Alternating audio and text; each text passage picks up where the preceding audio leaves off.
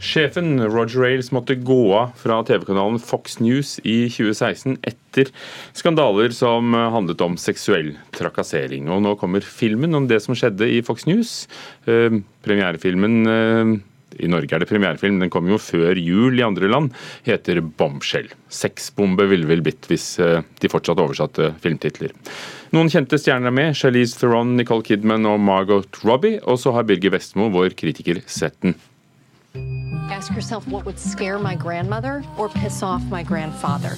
And that's a Fox story. Oh, it makes so much sense. Women are everywhere. We're letting them play golf and tennis now. HR's on the phone because you called me a skirt. Yeah, it's, Yeah. I gotta read that manual again. Bombshell er en stjernetung film med sterk metoo-tematikk, basert på virkelige hendelser med høyt mediefokus. Dette er et vellaga drama om kvinnene som ble utsatt for seksuell trakassering av grisete menn i maktposisjoner i Fox News, det konservative USAs store nyhetskanal. Charlize Theron, Nicole Kidman og Margot Robbie sørger for nødvendig tyngde i de viktigste hovedrollene, mens John Lithgow er overbevisende slesk som den aldrende Fox News-sjefen Roger Ailes. Jeg sitter igjen med en følelse av at dramatikken burde ha engasjert mer og provosert sterkere. Bombshell er òg litt for glansa og overfladisk til å gripe tilstrekkelig. Det er likevel et drama med noe viktig å formidle, og har nok av kvaliteter til å gjøre filmen severdig.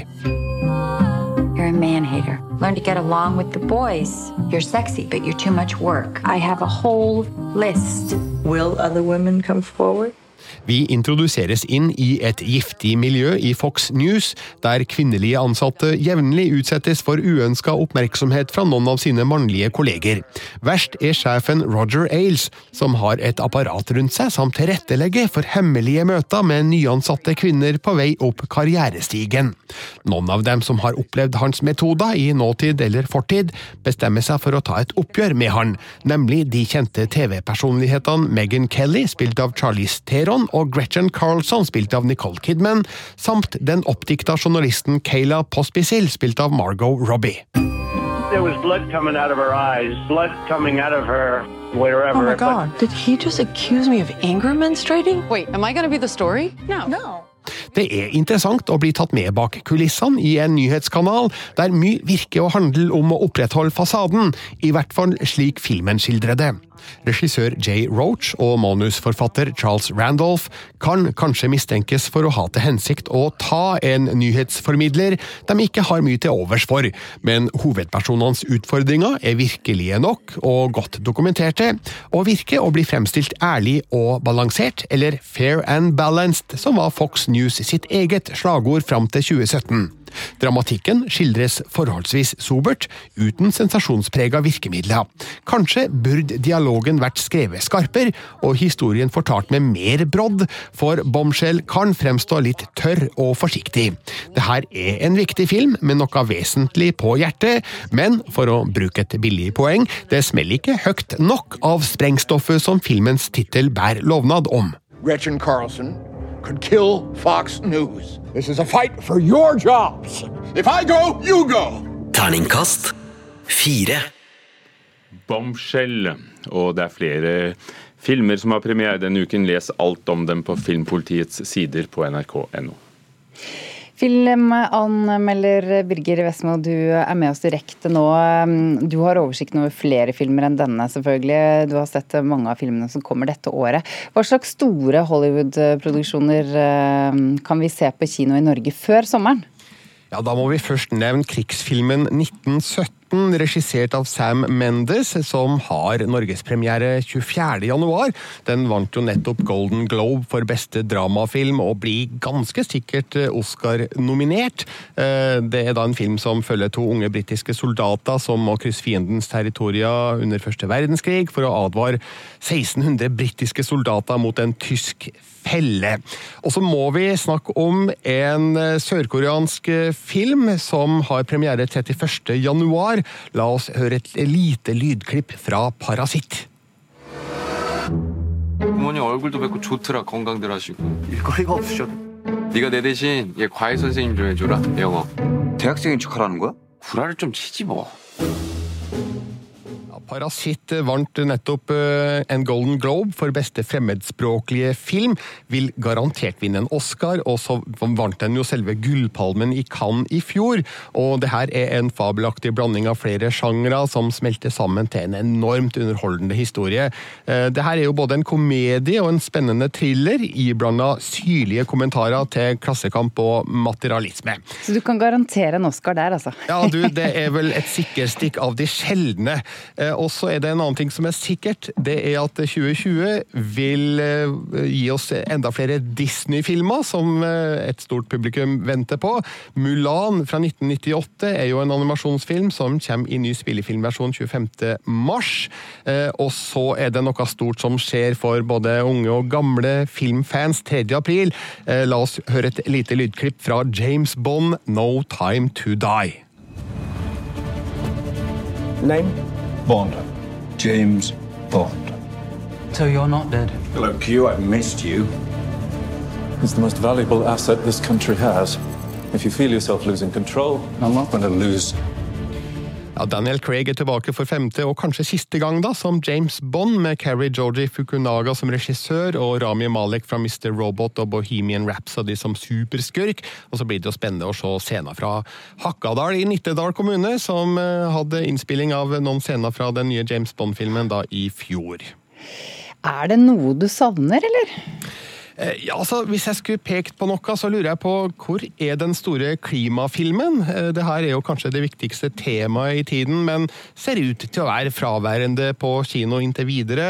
Eh, med mindre jeg har oversett noe på lista da, over de planlagte norgespremierene før sommeren.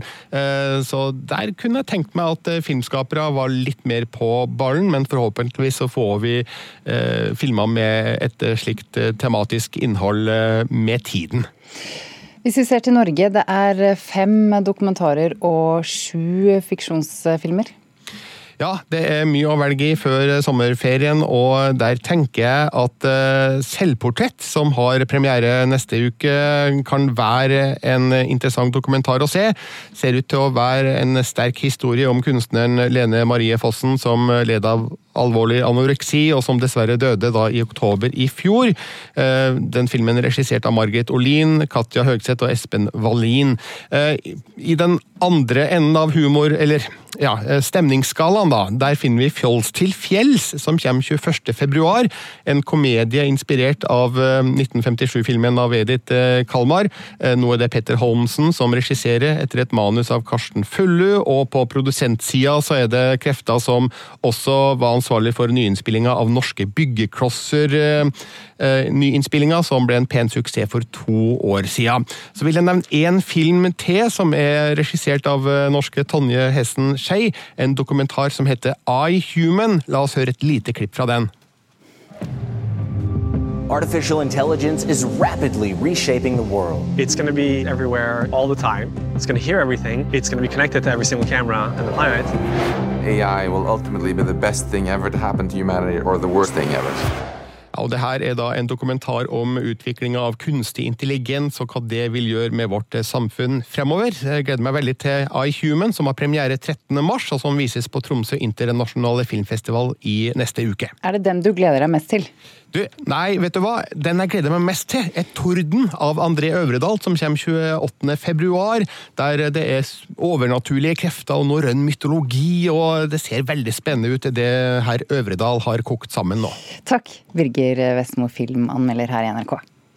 Og hvis man ikke går på kino, så sitter man kanskje fordypet i en bok. Men nå viser det seg at eh, nordmenn muligens leser nærmere 40% færre bøker enn det bokbransjens egne tall viser. Kulturreporter Heather Ørbekk Eliassen, hvor mye leser egentlig nordmenn? Det vi kan lese i Klassekampen i dag, er at svaret avhenger i hvem man spør. Forlagene mener at nordmenn leser i gjennomsnitt 13,3 bøker i året, mens forskere sier at vi leser 8,5 bøker i løpet av ett år. Og det er jo et ganske stort avvik. Det kommer frem i et forskningsprosjekt publisert av Handelshøyskolen BI, NTNU, Nasjonalbiblioteket og Universitetet i København. Men hvorfor tror disse forskerne at det er et så stort sprik mellom det bokbransjen selv har funnet ut, og det, det de har funnet ut? Det lederen av forskningsprosjektet, eh, Anne Britt Gran, sier, er at hun tror at det handler om metoden som er brukt i undersøkelsen. Hun trekker frem at det er viktig å vektlegge utdanning når man skal undersøke kulturkonsum, noe som kan være en følgefeil her. Utdanning har mye å si for kulturforbruk, sier hun til Klassekampen. Hun er da professor nettopp ved Handelshøyskolen BI. Vet vi, eller de da, forskerne, noe mer om hvor stor prosentandel av, av nordmenn som leser bøker? Ja, det gjør vi. 24% av befolkningen leser bøker. Det viser en undersøkelse gjort av SSB. Og dette tallet har holdt seg stabilt siden 1991. Men man ser at unge voksne de leser mye mindre enn det de gjorde før. Halvparten så mye. Men det er den eldre generasjonen som leser mye. De leser mer enn det de gjorde for 20 år siden. Takk skal du ha. Heder Ørbekk Eliassen, så er det spørsmålet hva de leser, men det skal vi ikke gå inn på her og nå.